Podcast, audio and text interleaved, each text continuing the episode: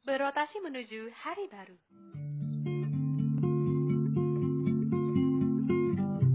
Sesaat lagi, kamu akan mendengarkan podcast Arunika. Selamat mendengarkan.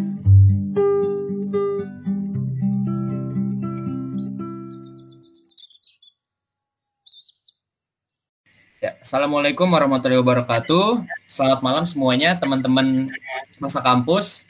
Ya, eh, pada malam hari ini kita kembali lagi eh, ke APK Talk ke yang ketiga yang temanya untuk malam hari ini akan sangat menarik nih, yaitu tentang produktivitas mahasiswa. Nah, produktivitas ini kan suatu hal yang yang sangat penting lah ya, yang sangat dibutuhkan bagi eh, bagi kita sebagai mahasiswa, apalagi kita mahasiswa ITB yang banyak tugas dan banyak kerjaan dan lain-lain ya.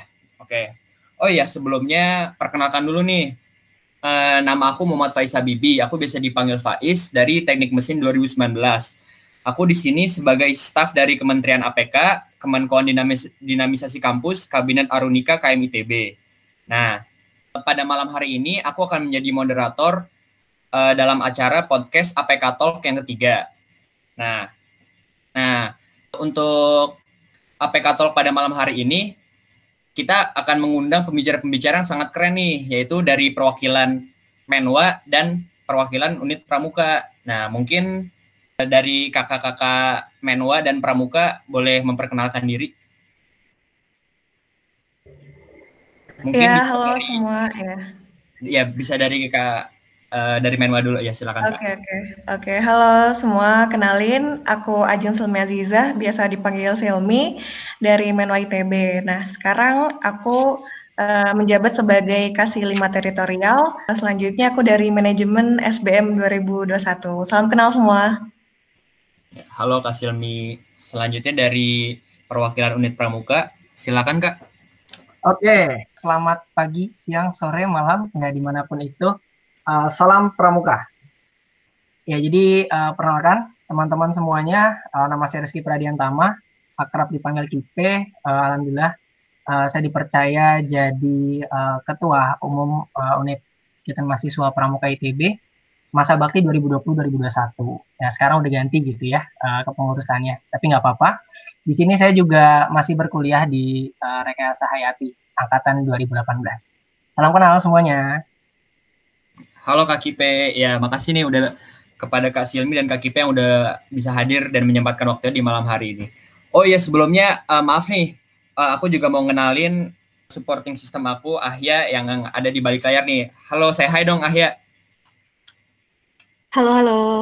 Ya, oke. Okay. Nah, oke, okay, kalau gitu kita lanjut ke topik utama kita aja ya. Uh, pada malam hari ini kita akan membahas tentang produktivitas mahasiswa. Nah, produktivitas ini kan sesuatu hal yang bisa dibilang wajiblah dimiliki sama seluruh uh, mahasiswa nih. Nah, biasanya mahasiswa ini ketika awal dia masuk kampus, mereka lagi semangat-semangatnya nih buat kuliah, buat berorganisasi, buat mencari jati diri mereka nih. Tapi uh, lambat laun biasanya di tengah jalan uh, semangat mereka mulai turun, produktivitas menurun, apalagi sekarang di masa pandemi gini kan, kuliah online. Kita banyak menghabiskan waktu di rumah.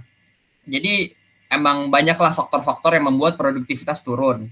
Nah, sekarang mungkin kita bisa langsung nanya aja nih ke narasumber kita yang keren-keren ini. Sebenarnya kenapa sih bisa terjadi banyak masalah dalam produktivitas yang yang menurun itu apa sih penyebabnya dan sebenarnya produktivitas produktivitas itu apa sih? Boleh nggak? Uh, mungkin uh, dari Kak Silmi boleh ngejelasin dulu. Uh, Oke, okay. menurut aku produktif itu kalau kita udah bisa memaksimalkan resource yang kita punya ya. Resource kita itu macam-macam pastinya. Ada waktu, relasi, kemampuan belajar, kemampuan komunikasi, dan masih banyak lagi. Nah, produktif itu ketika kita bisa memanage dan memaksimalkan resource yang kita punya itu dan agar nantinya dapat menghasilkan sesuatu yang memuaskan bagi kita gitu. Terus selanjutnya kenapa banyak terjadi masalah di mahasiswa mengenai produktivitas ini kayak kita ngerasa kok gue nggak produktif ya, kok gue gini-gini aja ya, kok gue nggak berprogres ya. Terus itu banyak sih, aku dulu juga mengalami itu sebenarnya. Terus kita emang punya waktu 24 jam ya sehari, tapi sering kali kita ngerasa kalau 24 jam itu tuh kok nggak cukup sih gitu. Udah begadang tapi tugas masih numpuk juga. Terus kerjaan juga masih numpuk. Uh, menurut aku pribadi sih karena itu karena kita aja sih yang kurang bisa memanage waktu dan menyusun skala prioritas gitu. Terus di masa pandemi ini juga uh, produktivitas menurun ya kita semua. Karena uh, kesulitan untuk komunikasi langsung juga. Terus aku kebetulan lagi TA ya, lagi ngerjain TA dan itu lagi membahas tentang produktivitas tapi bukan mahasiswa sih sebenarnya produktivitas employee. Terus ini kayak sebuah fun fact aja sih sebelum WFH ini uh, diterapkan pas pandemi ini kayak WFH zaman zaman dulu lah zaman zaman 2010-an, zaman zaman uh, 2000-an 90-an mereka menganggap WFH itu sebenarnya malah uh, kayak mengefisiensi gitu loh, mengefisiensi waktu, kayak menambah produktivitas. Tapi nyatanya sekarang ketika kita melihat kita diri kita sendiri itu malah produk produktivitasnya kita turun gitu. Itu masih menjadi pertanyaan besar sih sebenarnya. Itu. Hmm, gitu ya kak. Maka wah emang fun fact banget ya ternyata UFH itu yang tadi dia dikira akan meningkatkan produktivitas malah akan malah yeah, menurunkan uh, ya faktanya. Iya iya gitu. Hmm, kalau dari kaki P sendiri gimana nih kak? Oke, okay. uh, eh, mungkin uh, kurang lebih sama ya uh, sama yang disampaikan Kak Silmi. Cuman saya coba ngebawain sedikit berbeda gitu ya. Jadi kalau dari uh, menurut saya sendiri apa sih itu produktif gitu ya? Um, produktif. Menurut saya produktif itu saat kita bisa menghasilkan banyak hal yang bermanfaat dalam uh, durasi atau waktu tertentu gitu ya. Di sini berkaitan sama tujuan. Kita punya tujuan yang jelas terhadap semua apa yang kita lakukan. Dengan tujuan itu ya tentunya yang bermanfaat gitu ya. Jadi semua yang kita lakukan itu bisa punya manfaat, kita bisa ukur kira-kira kemampuan diri kita seperti apa, berkaitan juga dengan uh, resource yang kita punya seperti apa, kemampuan diri kita. Jadi Jangan sampai kita memaksakan diri kita dan akhirnya hasilnya tidak maksimal. Mungkin kalau ditanya, kenapa sih kira-kira mahasiswa tuh yang awalnya produktif gitu, cita-citanya produktif, semangat banget di awal-awal terus akhirnya enggak uh, produktif lagi semakin akhir-akhir menurut saya ya berkaitan lagi sama ininya ya pengertian dari produktif itu sendiri gimana kita bisa bermanfaat gitu, melakukan banyak hal yang bermanfaat dalam satu waktu. Menurut saya ini erat banget kaitannya sama manajemen diri, manajemen waktu, dan prioritas gitu. Mungkin di awal memang waktu kita pertama masuk ITB kita udah bisa nih, udah punya rencana dari A sampai Z gitu ya, dari tahun pertama, tahun kedua, sampai tahun keempat kita lulus tahu mau ngapain. Tapi ternyata waktu di tengah jalan ada uh, satu dan lain hal yang menyebabkan kita lupa akan semua hal itu. Mungkin prioritasnya juga akan berubah gitu ya, sering ber, uh, ber, berjalannya waktu. Mungkin dari teman-teman mulai masuk unit gitu, mulai bisa, uh, mulai harus bagi waktu ke unitnya. Nanti ketika masuk jurusan mulai bagi waktu ke jurusan. Terus kalau mau ikut lomba ya artinya harus bagi waktu sama lombanya lagi dan masih banyak gitu. Ya mungkin itu sih yang membuat kita sebagai mahasiswa yang awalnya terlihat punya plan dan punya rencana produktif di akhirnya atau selama keberjalanan itu bisa berubah. Itu sih menurut saya Faiz hmm. pengertian okay, Kak. Masih nih Kak Kipe uh, atas masuk atas pendapatnya tadi. Berarti kalau yang tadi aku tangkep uh, garis besarnya produktif itu adalah ketika kita bisa memanfaatkan resource ya, uh, memanfaatkan resource semaksimal mungkin yang kita punya dan uh, ketika kita bisa menghasilkan banyak hal dalam durasi waktu tertentu dan ketika uh, eh, kita juga harus punya tujuan yang jelas dan harus bermanfaat juga nih yang kita lakukan. Oke nih, ini menarik banget nih karena emang produktivitas ini nggak bakal bisa terlepas lah dari kehidupan siapa pun khususnya kita sebagai mahasiswa. Oke, nah sebagai unit yang terkenal nih akan kedisiplinannya, menurut kakak-kakak ini ada gaya hubungan manajemen diri dan waktu dengan produktivitas kita selama ini. Terutama buat kita nih sebagai mahasiswa yang ya bisa dibilang kadang kehidupannya lebih sembrono lah karena bebas lah kan bisa dibilang kan banyak kita yang merantau nggak ada yang memantau dan kita benar-benar menentukan uh, jadwal kita sendiri. Nah gimana nih? Mungkin bisa dari kaki P dulu. Oke uh, terima kasih Faiz. Ya menarik ya uh, poin manajemen waktu dan manajemen diri ya sebenarnya saya udah singgung yang sebelumnya gitu di pengertian produktif nah menurut saya tadi uh, punten sedikit ada koreksi ya produktif itu bukan orang yang punya banyak kegiatan aja, tapi punya orang yang punya banyak kegiatan dan bermanfaat gitu. Nah ini mungkin salah satu hal lain yang tadi uh, bisa jadi uh, salah dimengerti oleh mahasiswa gitu ya. Kalau misalkan sibuk itu kita cuma banyak kegiatan, tapi kalau produktif kegiatan yang kita punya gitu ya itu semua bisa bermanfaat gitu. Kaitannya apa sama manajemen diri dan waktu? Oke, uh, pertama dari diri kita sendiri. Oke okay, kita di memang hidup gitu ya dengan uh, ya punya banyak hal. Kita punya resource uh, segala macam gitu ya. Kalau jadi mahasiswa ya kita punya uh, resource dari segi uh, akademik. Kalau mungkin di ITB kita juga punya non akademik gitu. Salah satunya mungkin di sini unit gitu ya di samping itu juga kita hidup nih dengan emosi gitu ya kita punya sesuatu yang bisa uh, ngebuat kita interest sama sesuatu dan juga bisa di lain sisi bisa buat kita tidak interest terhadap sesuatu. Jadi perlu manajemen diri. Gimana kita bisa mengendalikan diri sendiri supaya semua hal yang kita lakukan sesuai sama tujuan yang sudah kita set di awal tadi. Gitu. Mungkin lulus dengan IPK minimal sekian, mungkin lulus dengan uh, punya uh, minimal pengalaman kerja apa gitu ya. Mungkin lulus dengan pengalaman atau pernah menang lomba berapa kali dan segala macamnya. Itu manajemen diri. Berikutnya waktu tadi uh, sebelumnya saya udah menjelaskan gitu produktivitas atau produktif gitu ya menjadi seorang yang produktif artinya bisa menghasilkan banyak hal yang bermanfaat dalam waktu tertentu artinya ini berkaitan erat dengan waktu. Apa aja yang akan kita lakukan selama satu hari gitu ya? Kalau misalkan kita punya manajemen waktu yang baik otomatis semua itu akan berjalan dengan baik. Di sini bisa dimulai dengan kita membuat skala prioritas gitu.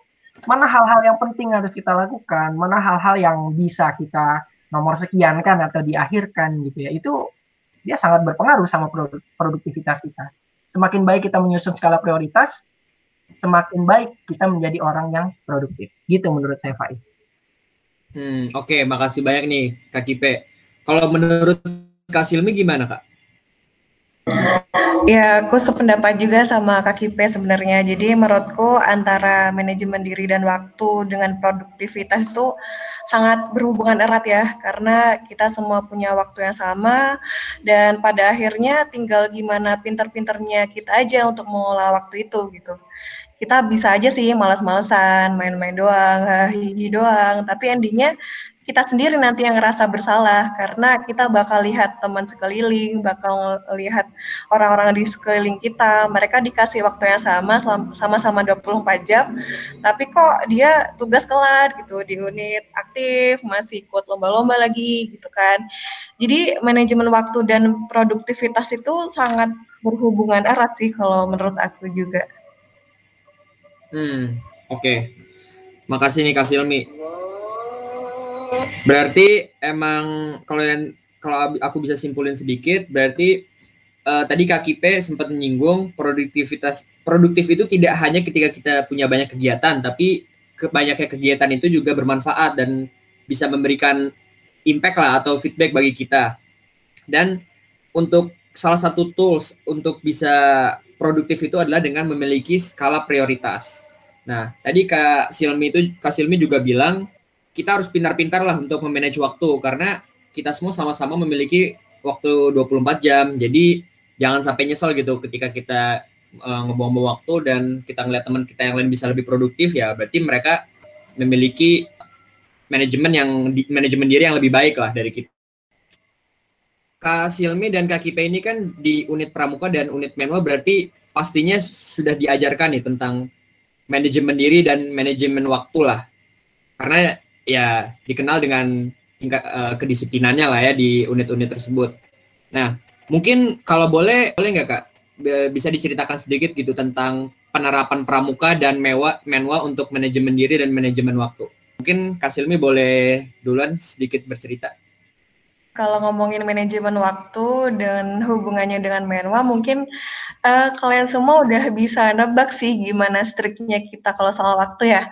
Jadi mau sedikit cerita aja, kalau di menwa itu sebelum kita mengadakan suatu kegiatan itu pasti ada yang namanya renlap atau rencana lapangan.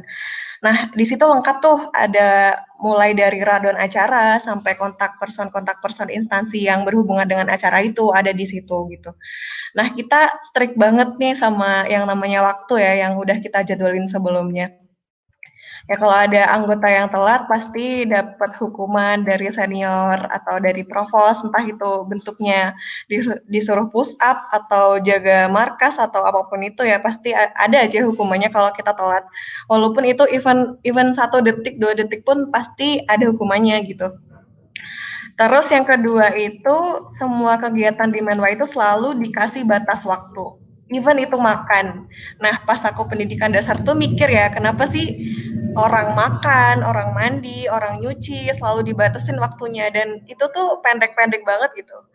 Kayak contohnya makan, contohnya makan dulu tuh nggak boleh lebih dari 10 menit. Kalau kalau lebih dari 10 menit pasti udah dihukum gitu-gitulah. Terus dulu aku pasti mikir ya pas awal-awal masuk Menwa itu kayak 2018-an aku mikir kenapa sih semuanya harus diwaktuin gitu. Kayak kan harus buru-buru kan jadinya. Terus kayak mandi juga kayak buru-buru makan juga buru-buru. Tapi semakin ke sini aku makin tahu ya kalau di Menwa itu kita diajarin tentang disiplin waktu gitu.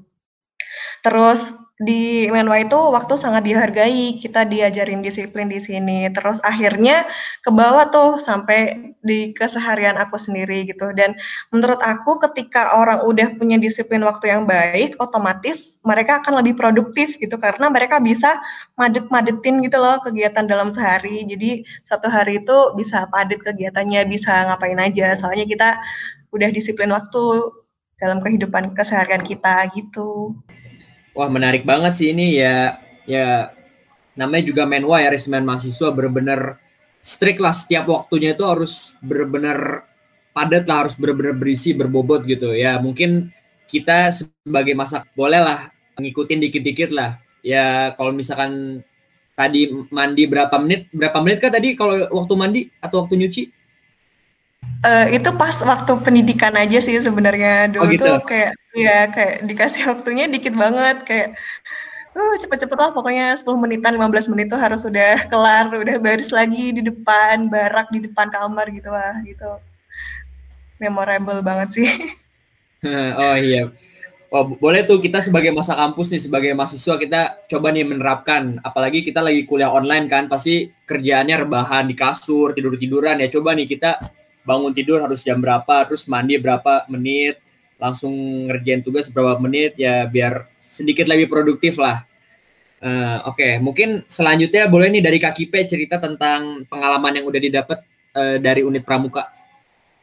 Oke, okay, uh, thank you Faiz. Wah mantap banget ya dapat sharing dari uh, Menwa gitu ya. Uh, ternyata ada apa ya manajemen waktunya baik sekali gitu kalau menurut saya mungkin di sini di pramuka uh, kita tidak seketat uh, menwa. Jadi kalau dari uh, segi waktu sebenarnya uh, atau manajemen diri dan waktu ini lebih ke kaitannya ke produktif tadi ya.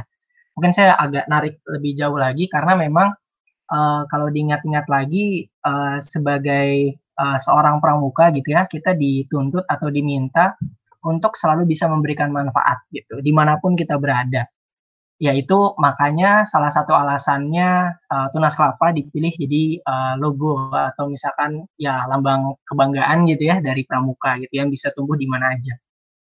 Nah, jadi uh, kalau dibilang manajemen waktu dan diri uh, arahnya ke sana. Gimana di setiap waktu kita bisa manajemen diri kita, emosi kita dengan baik sehingga ya kita tetap bisa melakukan apa pun itu hal yang bermanfaat untuk uh, masyarakat gitu ya. Begitupun dengan waktu. Jadi kita bisa mengukur kira-kira apa yang akan kita lakukan uh, itu ya bisa kita selesaikan dengan baik atau tidak gitu ya dengan uh, segala resource yang kita punya. Mungkin salah satu contohnya di kegiatan uh, pramuka yang uh, menerapkan hal ini itu di pembinaan kali ya.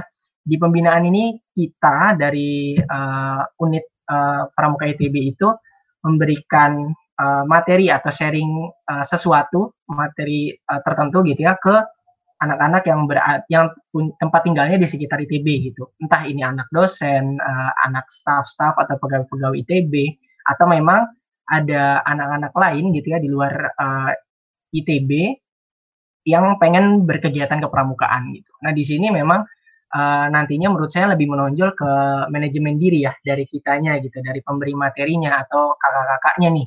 Gimana caranya kita ngebuat uh, para peserta gitu ya yang kita ajak ngobrol, yang kita ajak ketemu ini, apalagi dengan online gitu, mereka tetap interest dengan kegiatan kita. Jadi kalau misalkan emang sebelumnya kita lagi ada masalah, diputusin sama pacar, nilai jelek, masalah di rumah, segala macam, itu harus kita kesampingkan dulu gitu. Gimana kita tetap kelihatan fine, bahkan kita harus mengajak, kita harus lebih fine, lebih hebat, lebih seneng gitu ya, sama uh, terlihat lebih senang sama pesertanya, akhirnya pesertanya bisa ikutan semangat gitu. Nah ini menurut saya tantangan tersendiri di situ. Untuk waktunya juga sama sebenarnya. Ya siapa sih yang nggak bosan untuk lama-lama di depan laptop gitu ya. Nah, jadi itu tantangan sendiri tadi gimana caranya buat interest sama timingnya gitu harus pas. Jangan terlalu lama, jangan terlalu cepat. Jadi materi yang kita berikan gitu bisa dipahami dengan mudah dan uh, ya gampang dan akhirnya tidak ada materi-materi yang terlewat. Itu sih mungkin uh, kalau dari saya tentang penerapan uh, manajemen waktu dan diri di Pramuka Faiz. Wah, makasih. Wah, keren banget sih ini Kak. Bener-bener kita diajarin untuk bisa profesional lah ya, bisa memanage diri, memanage waktu, uh, mengajar orang-orang sekitar untuk uh, bisa ikut pramuka lah. Keren-keren nih, menarik banget. Nah, uh, kita kan barusan udah denger nih tip pengalaman-pengalaman dari Kak Silmi uh, dari unit Menwa dan Kak Kipe dari unit pramuka. Nah, mungkin boleh nih Kak berbagi tips-tipsnya nih biar kita semua bisa sama-sama produktif, biar kita bisa meningkatkan uh, kapasitas diri kita, biar bisa lebih menghasilkan lah, apalagi khususnya uh, kita kuliah kan di rumah nih, kuliah online. Pasti kan banyak nih yang ngeluh lah, bosan lah, mumet lah di rumah nggak ngapa-ngapain. Nah, gimana nih biar kita bisa lebih produktif? Mungkin uh, Kak Kipe bisa duluan ngasih tips ya Kak. Oke, okay, thank you Faiz. Uh, sekarang ke tips ya. Wah, apa ya? Uh, mungkin saya bisa coba rangkum ke tiga poin kali ya. Yang pertama itu uh, tentang prioritas. Eh sorry, yang pertama tujuan, tujuan dulu. Yang kedua prioritas. Dan yang ketiga uh, mulai dari sekarang. Oke, kita coba bahas dikit-dikit. Pertama tujuan ya. Uh, balik lagi ke pengertian produktif gitu ya harus memberikan sesuatu yang bermanfaat. Nah, menurut saya uh, kita bisa mulai dengan kita melihat apa sih tujuannya kita melakukan sesuatu. Termasuk kalau misalkan kita mau uh, mengambil suatu jabatan atau suatu tanggung jawab lah. Ada yang menawarkan sesuatu tanggung jawab kita lihat dulu. Tujuannya apa nih. Apakah masih align atau uh, masih bisa memberikan manfaat baik untuk kita ataupun diri orang lain gitu ya. Nah, jadi tujuan. Kita harus punya tujuan untuk bisa uh, mengarahkan gitu kehidupan kita mau ke mana. Biar produktifnya juga terarah. Ingat tadi produktif itu punya uh, manfaat gitu ya. Bukan sekedar banyak kegiatan aja tapi harus manfaat. Jadi tujuan itu penting. Yang kedua prioritas. Dengan kita punya tujuan gitu ya kita bisa menentukan prioritas kita. Kegiatan apa yang akan kita ambil kegiatan mana yang kita nomor dua kan nomor tiga dan seterusnya gitu ya. Mungkin uh, di sini teman-teman pernah dengar uh, salah satu contohnya gitu ya. Teori mengisi gelas atau mengisi suatu jar gitu ya. Suatu jar atau suatu wadah dengan batu besar kerikil dan pasir gitu. Ini bisa jadi uh, salah satu contoh yang baik untuk uh, manajemen waktu atau prioritas lebih tepatnya. Gimana kita memasukkan prioritas atau hal-hal yang besar dulu atau tanggung jawab kita yang tidak bisa ditinggalkan yang wajib-wajib dulu itu uh, pertama kali. Kita memasukkan batu-batu besar pertama kali. Berikutnya ada batu-batu kerikil. Batu-batu kerikil ini uh, ya yang penting tapi tidak sebegitu pentingnya gitu ya. Pentingnya nomor dua lah yang terakhir adalah pasir. Pasir ini filler pengisi kegiatan-kegiatan penghibur dan segala macam. Itu bisa jadi contoh yang baik untuk prioritas. Yang terakhir mulai dari sekarang. Karena ya gimana pun gitu ya, uh, apa yang kita rencanakan kalau misalnya kita tidak mulai-mulai gitu, itu tidak bisa. Nah mungkin di sini um, selain mulai dari sekarang kita bisa mulai ke hal-hal yang kecil atau uh, jangka waktu yang kecil-kecil dulu aja. Mungkin kalau teman-teman susah untuk satu bulan gitu ya, kita bisa mulai dengan dua minggu. Target dua minggu saya mau jadi orang yang produktif. Oke, bikin susunan eh tujuannya gimana, uh, tujuan besar kehidupan teman-teman atau mau jadi orang seperti apa terus nanti prioritasnya disusun gitu ya. Coba dijalankan selama dua minggu. Dua minggu masih berat kak, oke kita turunin satu minggu. Satu minggu masih berat kak, oke turunin lagi tiga hari. Kalau memang masih berat, coba lakuin hari itu teman-teman jadi orang yang produktif. Mudah-mudahan bisa lanjut ke depannya. Mungkin itu aja dari saya, uh, Pak Is. Wah, sangat menarik sekali nih kak. Berarti memang tiga poin utama yang tadi kita dapat adalah pertama kita harus punya tujuan, yaitu tujuan yang bermanfaat. Lalu yang kedua prioritas, ya prioritas bisa menggunakan teori mengisi wadah ya, gelas atau wadah yang tadi uh, Kak Kipe sampaikan dan mulai dari sekarang. Kalau kalau bukan sekarang ya kapan lagi gitu kan? Ya mungkin selanjutnya uh, boleh nih tips-tips dari Kak Silmi, silakan Kak. Wah, kalau bicara tips sih, aku pribadi juga sebenarnya masih belajar juga ya tentang manajemen waktu, manajemen diri, dan tentang produktivitas ini. Tapi mungkin aku akan men-share beberapa poin juga. Ini ada poin yang sama nih sama Kak Kipe. Kita nggak janjian ya Kak Padahal Kak. Yang pertama itu ada uh, mungkin kita bisa mulai menyusun skala prioritas gitu. Versi kalian ya, karena skala prioritas tiap orang itu beda-beda pastinya. Kalau versi aku pribadi uh, pas kuliah itu prioritas pertama pasti belajar akademik. Terus yang kedua ada tutor asrama karena aku sekarang ada di tutor asrama ITB juga. Terus yang ketiga itu kegiatan di luar akademik dan di luar tutor asrama kayak unit, organisasi luar kampus, lomba-lomba, uh, ataupun magang-magang dan seperti itulah. Itu aku taruh di nomor tiga. Jadi kalau kita udah punya skala prioritas versi kita sendiri. Jadi kita lebih mudah untuk mengambil keputusan gitu, mana yang kita dulukan, mana, yang kita nomor dua kan gitu. Terus yang kedua uh, jadwalin, jadwalin perharinya nih. Ini mungkin terlihat ribet ya, tapi trust me ini membantu banget buat kita mengefisienkan waktu gitu. Uh, ini bukan to do list aja ya, tapi kita menjadwalkan. Maksudnya di dalamnya itu ada jam-jamnya. Contoh nih pagi bangun jam berapa, terus lahir pagi jam berapa, terus nanti belajar jam berapa. Nah ini membantu kita biar tiap hari itu tek tek tek tek gitu loh. Kalau nggak bingung nih habis belajar mau ngapain nih, terus habis ini mau ngapain. Jadi nggak kayak gitu. Ini membantu banget sih kalau menurut aku. Terus selanjutnya aku jadi inget nih pas aku SBK SMPE, pas aku TPB, itu aku inget banget ada matriks yang namanya kalau nggak salah itu Eisenhower matrix decision ya kalau nggak salah.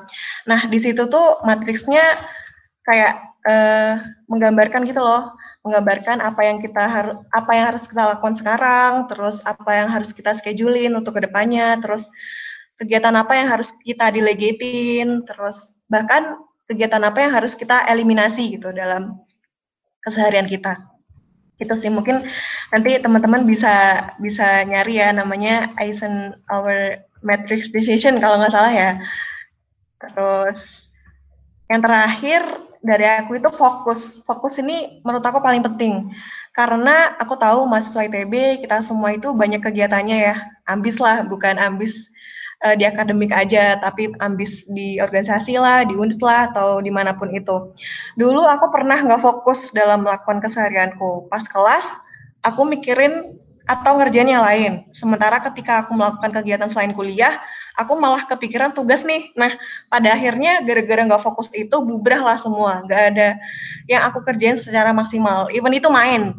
Jadi karena aku nggak fokus main, setelah main itu aku malah merasa gelisah gitu. Jadi kayak merasa gelisah dengan tugas yang udah aku tinggalkan gitu. Jadi fokus ini penting banget buat kita semua, buat aku juga. Aku juga masih belajar fokus di sini. Uh, biar kita memperoleh hasil yang maksimal gitu atas apa yang telah kita kerjakan. Jadi kalau pas kelas ya kelas, fokus kelas.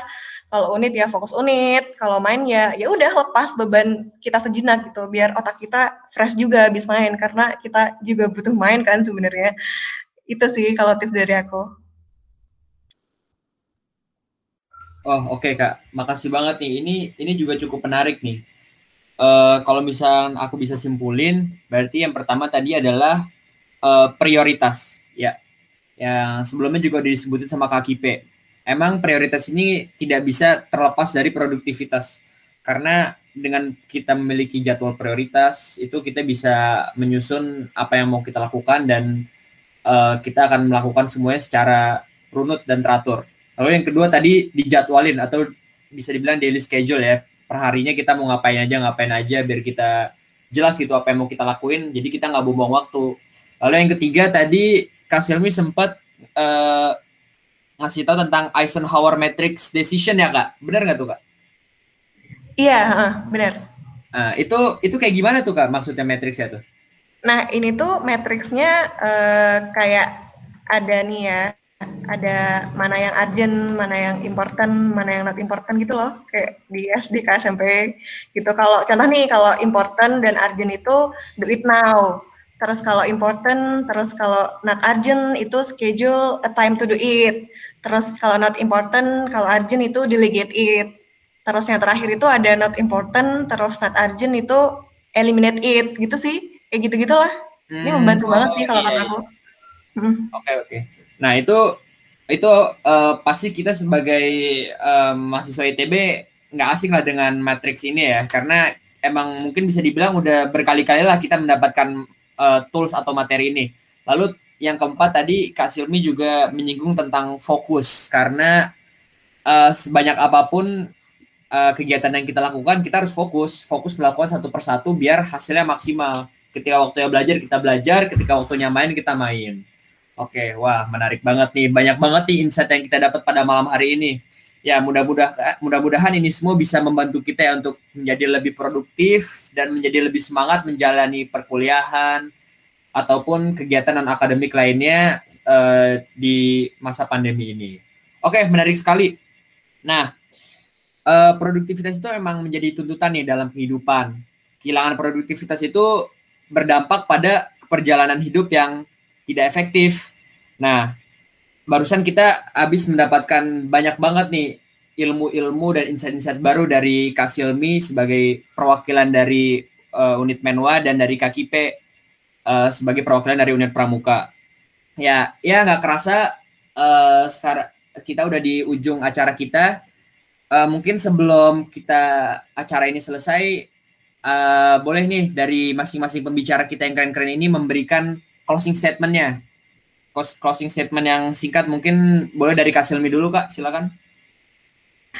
Oke, okay, uh, eh, aku di sini mau berbagi quotes aja sih. Quotes ini tuh cocok banget buat kita yang ingin lebih produktif dan ingin hidup kita lebih terstruktur gitu ya. Jadi uh, mungkin kalian udah ada beberapa yang udah pernah dengar quotes ini. Bunyinya itu wake up with determination and go bed with satisfaction. Nah, quote ini tuh ngingetin kita buat do your best every day, every time gitu ya.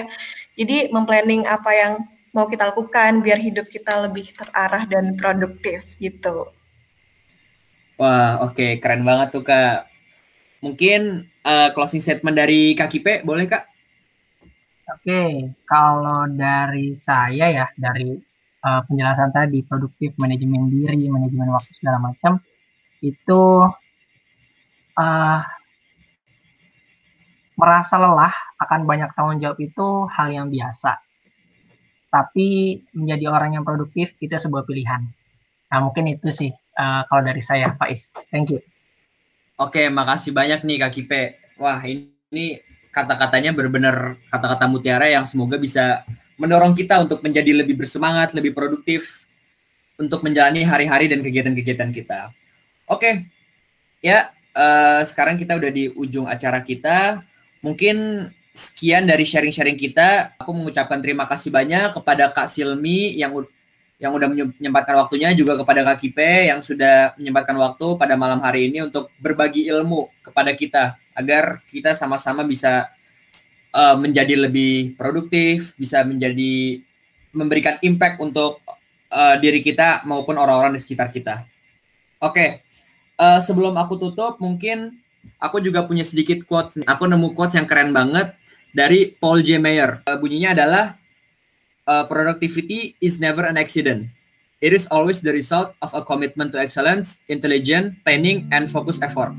Nah, oke, okay, jadi mungkin sekian untuk podcast APK Talk 3 pada malam hari ini. Uh, terima kasih pada teman-teman masa kampus yang mungkin mendengar nanti. Uh, sampai jumpa di episode podcast APK selanjutnya. Uh, Assalamualaikum warahmatullahi wabarakatuh. Waalaikumsalam.